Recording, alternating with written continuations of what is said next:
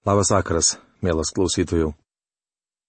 Šiandien toliau keliausime Biblijos puslapiais Senuoju testamentu, pranašo Ezechielio knyga. Praėjusioje laidoje pradėjome nagrinėti 37 skyrių Kaulų slėnio regėjimą. Po maldos aš jums perskaitysiu pirmasias šešias mūsų jau praėjusioje laidoje išnagrinėtas eilutes ir mes pratesime šios skyriaus apžvalgą. Tėve, kuris esi danguje, mes dėkojame tau už tą prieiškimą, jog tu esi šiandieną neregimas mums dėl nuodėmių, mūsų nuodėmių, kurios atskyrė mus nuo bendravimo ir draugystės su tavimi. Ir dėkojame tau, kad tu nepalikai mūsų vienų, bet apreiškiai mums save šventajame žodėje. Norime šį vakarą, kaip ir kiekvieną dieną, kaip esame pratę, atskleisti švento rašto puslapius ir žvelgdami į tai, ką tu kalbėjai pranašų Ezechieliui, suprasti, ką tu norėjai pasakyti jam ir Izraelio tautai. Ir kaip tie žodžiai šiandien galėtų būti pritaikomi mums, šių dienų tikintiesiems. Mes žinome, kad tu viešpate gali prikelti numirusiuosius. Ir mes visi kaip nusidėjėliai esame mirę savo nusikaltimais ir nuodėmėmis. Dieve mūsų žvilgsnis į tave, kad tu padėtum tiems, kas dar tavęs nepažįsta, ateiti pas tave. Ir padėtum tiems, kurie padarėme viešpatę tą svarbų sprendimą savo gyvenime, netrukdyti tau darbuotis mūsų širdyje.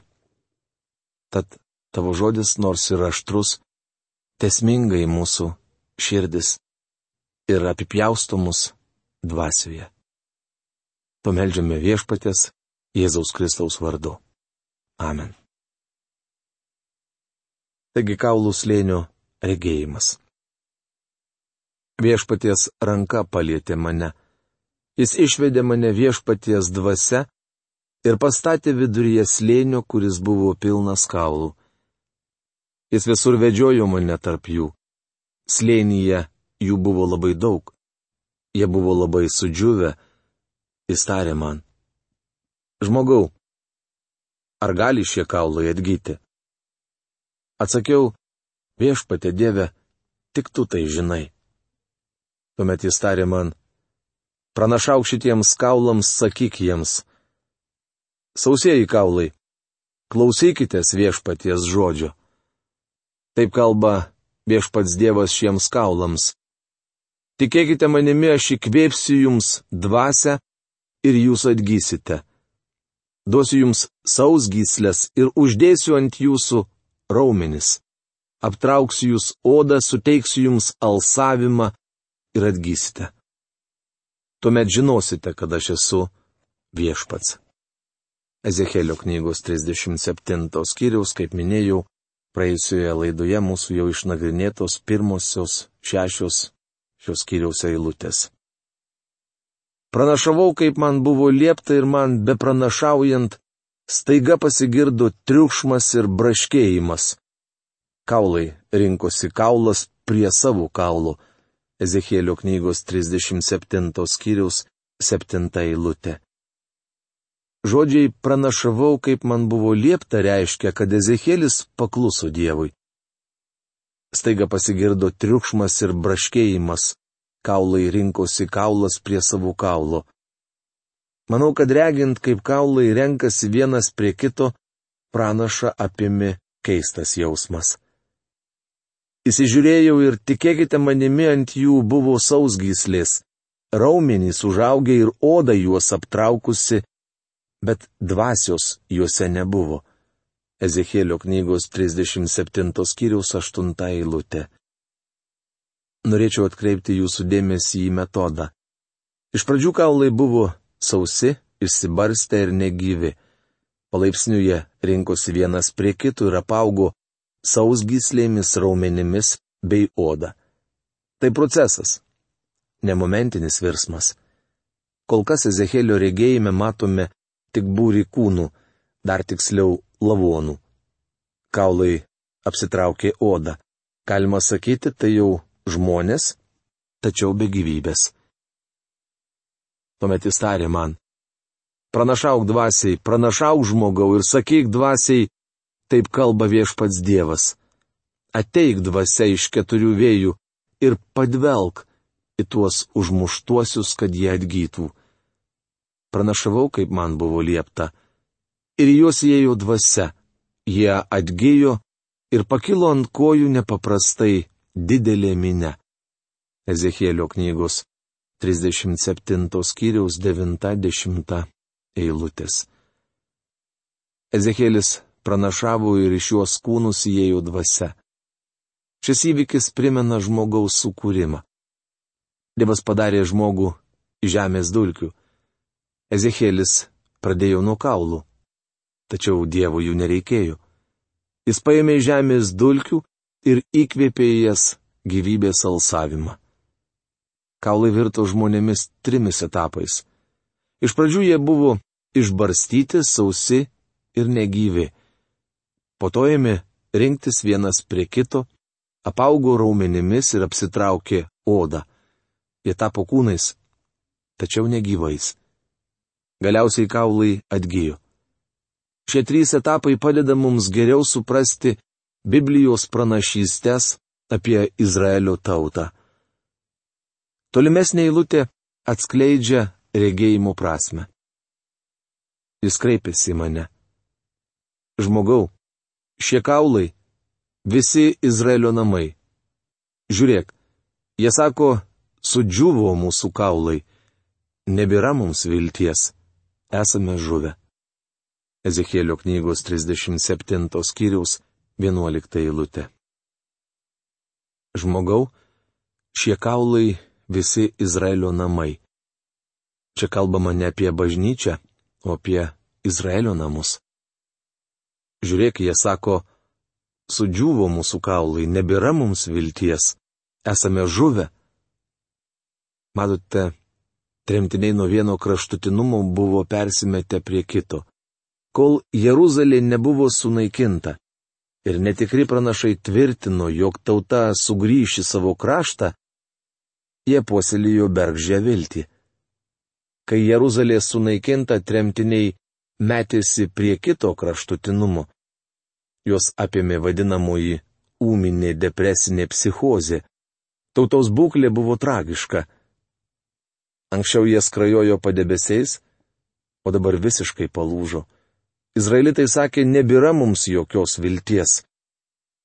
Dievas davė pranašui regėjimą, kad Izraelio namai žinotų turį viltį. Todėl pranašauk jiems ir sakyk, taip kalba viešpats Dievas. Tikėkite manimi, atversiu jūsų kapus ir prikelsiu jūs iš kapų, mano tautą ir parvesiu jūs Izraelio žemę.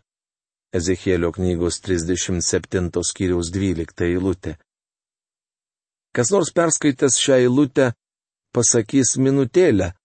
Jūs tvirtinote, kad šis regėjimas nesusijęs su fiziniu prisikelimu iš numirusių. Taip. Ir aš savo nuomonės neišsižadu. Peršokime prie 21 eilutės. Sakyk jiems, taip kalba viešpats Dievas.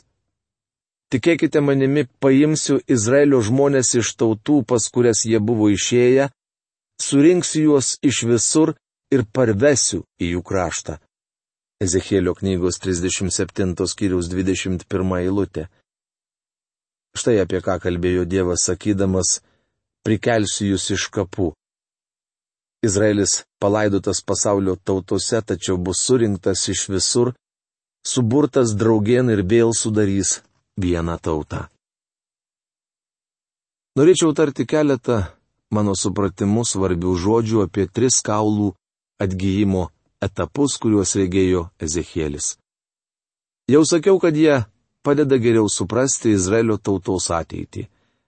Dar pridursiu, kad šie trys etapai yra akivaizdžiai besipildanti pranašystė. Aš nelinkęs visur išvelgti besipildančias pranašystės, tačiau šioji aiškiai pildosi. Paklausykite. Izraelio tauta buvo palaidota ir išblaškyta pasaulio tautose, mirusi Dievui ir viskam, kas su juo susiję. Tai pirmoji kaulų stadija. Nuo 1948 metų Izraelis vėl yra viena tauta, tačiau negyva primenanti lavoną. Jie turi vėliavą, konstituciją, ministrą pirmininką, parlamentą, policiją, kariuomenę ir net Jeruzalę. Jie turi viską, tik neturi dvasinės gyvybės. Jos gyvybės apraiškų nepastebėsite ne tik arabams priklausančioje Jeruzalės dalyje, kur dominuoja islamas, bet ir toje miesto dalyje, kuri priklauso Izraeliui. Nenoriu nieko įžeisti, tačiau mano nuomonė, abu frontai dvasiškai mirė. Tiesa, izraeliečiai materialesni, intelektualesni ir civilizuotesni, tačiau dvasinės gyvybės ženklų jie nerodo. Tai antroji kaulų stadija.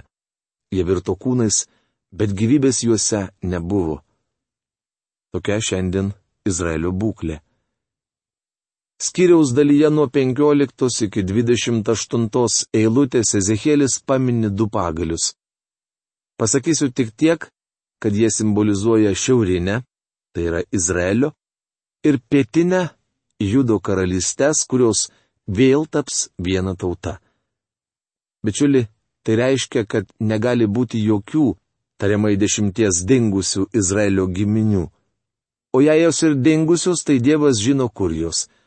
Esu tikras, kad Didžioji Britanija nesusiformavo iš tariamai dingusių giminių ir ji nebus prijungta prie Izraelio krašto. Padarysiu juos vieną tautą krašte Izraelio kalnuose. Vienas karalius bus jų visų karalius. Niekada daugiau jie nebebus dvi tautos. Niekada daugiau nebebus padalyti į dvi karalystės. Ezekėlio knygos 37 skyriaus 22 eilutė. Dievas padarys juos vieną tautą. Mano tarnas Dovydas bus jų karalius ir visi turės vieną ganytoją. Jie gyvens pagal mano įsakus ir vykdys mano įstatus. Ezechielio knygos 37 skyriaus 24 eilutė. Tas vienas ganytojas yra ne kas kitas, o viešpats Jėzus Kristus. Jis kilo iš Dovido linijos. Apie tai labai aiškiai kalbama Evangelijos pagal Mata pirmame ir Evangelijos pagal Luką pirmame bei antrame skyriuose. Gimusysis iš tos linijos yra ganytojas, kuris valdys Izraelio tautą. Aš asmeniškai tikiu, kad Dievas prikels Dovydą būti Izraelio karaliumi tūkstantmetėje karalystėje arba amžinybėje, kuri prasidės iškart po tūkstantmetės karalystės. Vieni šventojo rašto komentatoriai sako, kad jis karaliaus tūkstantmetėje karalystėje, kiti, kad amžinojoje karalystėje. Mano įsitikinimu, Dovydas karaliaus tiek vienoje, tiek kitoje karalystėje. Jis bus viešpatės Jėzaus Kristaus vietininkas žemėje. Tuomet tautos žinos, kad aš viešpats pašventinu Izraelį ir mano šventykla bus tarp jų per amžius. Ezekėlio knygos 37 skyriaus 28 eilutė. Tai išsipildys ateityje. Mano šventikla bus tarp jų per amžius.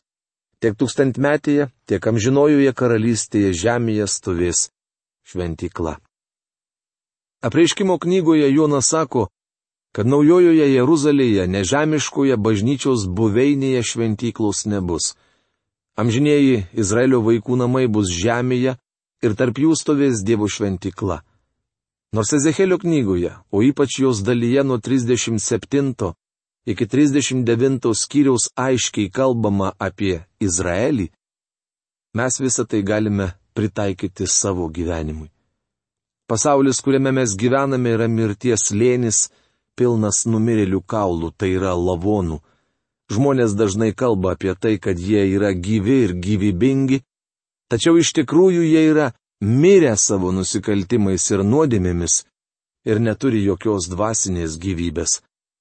Štai kodėl norėdami nors kiek atgaivinti savo negyvą kūną, jie grėbėsi alkoholio, narkotikų ar dar ko nors. Dievas aiškiai yra pasakęs, kad kas turi sūnų, tas turi gyvenimą. Kas neturi Dievo sunaus, tas neturi gyvenimo. Tai pirmas Jono laiškas, penktas skyrius, dvylikta eilutė. Jei turite Dievo sūnų, turite gyvenimą. Jei jo neturite, esate miręs. Šiandien žemėje yra tik dvi žmonių rūšis - gyvi ir mirę. Kas tiki sūnų, turi amžinai gyvenimą, o kas nenori sunaus tikėti, gyvenimo nematys, virš jo kybo Dievo rūstybė. Tai prašoma Evangelijos pagal Jono 3 skyriaus 36 eilutėje. Tai reiškia, kad žmogus neturintis sūnaus yra miręs. Šiandien Dievas sako jums, jei nesi krikščionis, tu miręs. Sausieji kaulai, klausykitės viešpatė žodžio.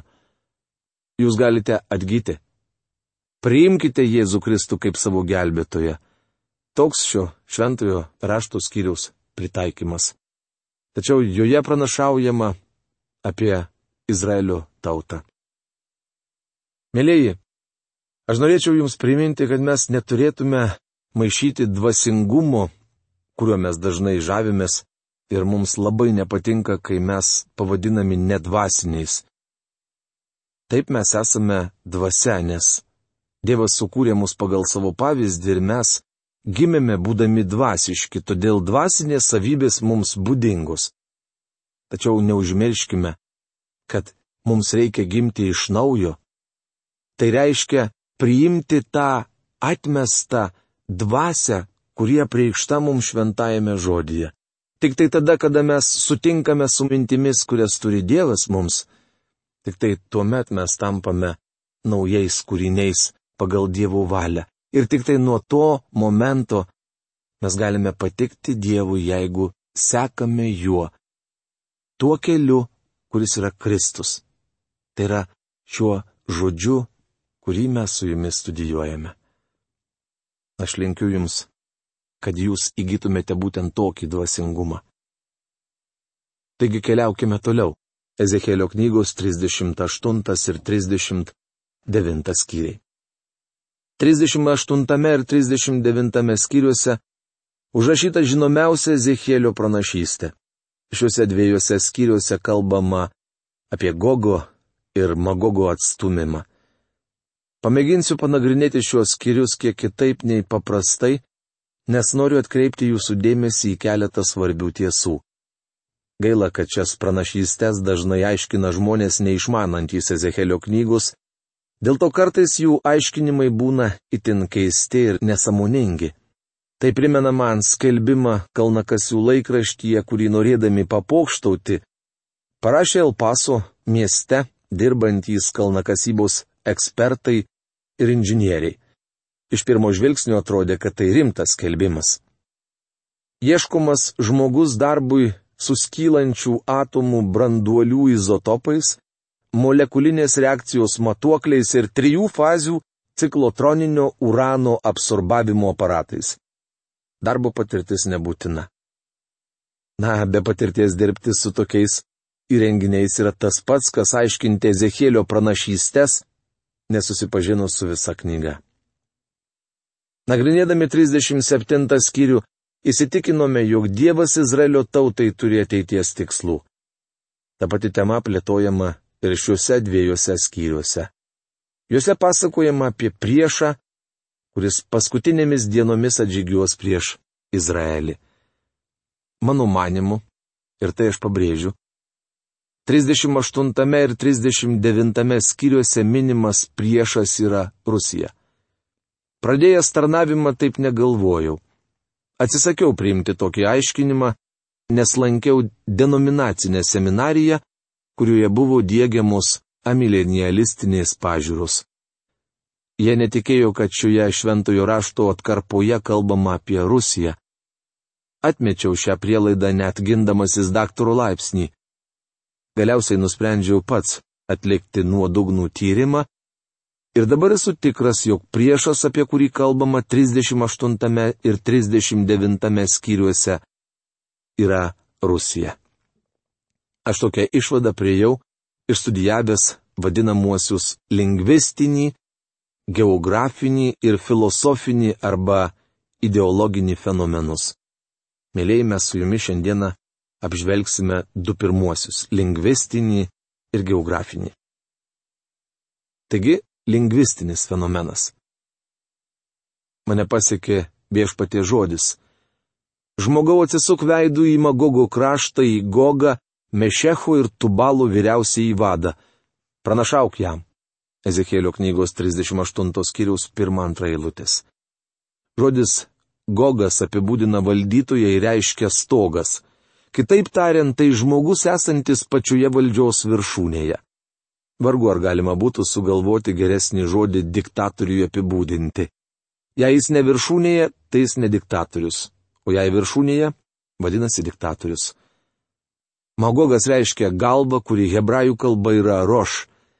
Dynas Stenlis savo išsamioje knygoje Rytų bažnyčios istorija, išleistoje daugiau nei prieš 70 metų, remdamasis garsių hebrajų mokslininkų Džesenijum, daro išvadą, kad žodis roš turėtų būti pakeistas žodžiu Rusija. Bet Odinas Stenlis dar priduria, kad Senajame testamente tai vienintelė nuoroda iš šių laikų tauta. Įdomu, ar ne? Vyskupas Lauteris pažymi, kad tikrinis vardas Roš Ezekėlio knygoje apibūdina Skitijos gyventojus, iš kurių save kildina šio laikiniai rusai. Matote, iš pradžių Rusija vadinosi Maskove, kurios pavadinimas kilo iš Mešecho vardo. Rusijos caras Ivanas IV, vadinamas Ivanu Rušiuoju, 1533 metais atsisėdo į Maskovės sostą. Jis pasivadino caru. Tuomet ir atsirado šis titulas. Esu tikras, kad pastebite, jog Mešechas ir Tubalas skamba panašiai kaip Maskva ir Sibiro miestas Tubolskas. Apsvaršius lingvistinį fenomeną, peršasi išvada, kad šioje pastraipoje Ezekėlis kalba apie Rusiją. Ir geografinis fenomenas. Geografinės rytis, kurią nurodo Ezekėlis, taip pat atitinka Rusijos teritoriją. Pranašas paminė tautas, kurios paskutinėmis dienomis bus Rusijos sąjungininkės. Gomeras ir visi jo pulkai, bet Togarma, iš tolimosios šiaurės ir jos pulkai, su tavimi daug tautų. Tai Ezekėlio knygos 38 skyrius 6 eilutė. Gomeras yra Vokietija, Germanija. O Togarma - Turkija. Frazė iš tolimosios šiaurės nurodo geografinę sritį. Šios skyriaus 15 eilutėje skaitome Ateis iš savo vietos tolimiausiame šiaurės pakraštyje. Ta pati sritis minima ir 39 skyriaus antroje eilutėje. Pakelsiu tave iš tolimiausio šiaurės. Kas kart kalbėdamas apie šią šventojo rašto ištrauką, parodau klausytojams žemėlapį, kuriame pažymėtas Izraelis ir Rusija. Pažvelgia į žemėlapį pamatysite, kad Rusija yra Izraelio šiaurėje ir šiaurės rytuose. Į tiesiog gaubę Izraelio kraštą lyg kokia Ispanijoje dėvima plačia brylė skrybėlė. Eidami į šiaurę nuo Izraelio, pasieksite Rusiją, o perėję ją atsidursite tarp lietkalnių. Ten be baltųjų meškų nieko nerasite. Biblijoje kryptis nurodoma nuo Izraelio, o ne nuo tos vietos, kur jūs gyvenate. Šventajame rašte šiaurė yra į šiaurės pusę, pietus į pietų pusę, vakarai į vakarų pusę, o rytai į rytų pusę nuo Izraelio krašto. Kitaip tariant, Dievo žodėje Izraelis yra geografinis žemės centras. Mėlyji, dėl laiko stokos, filosofinio fenomeno mes su jumis dabar negalime aptarti, bet tai padarysime kitoje mūsų laidoje. Iki malonaus sustikimo. Sudė.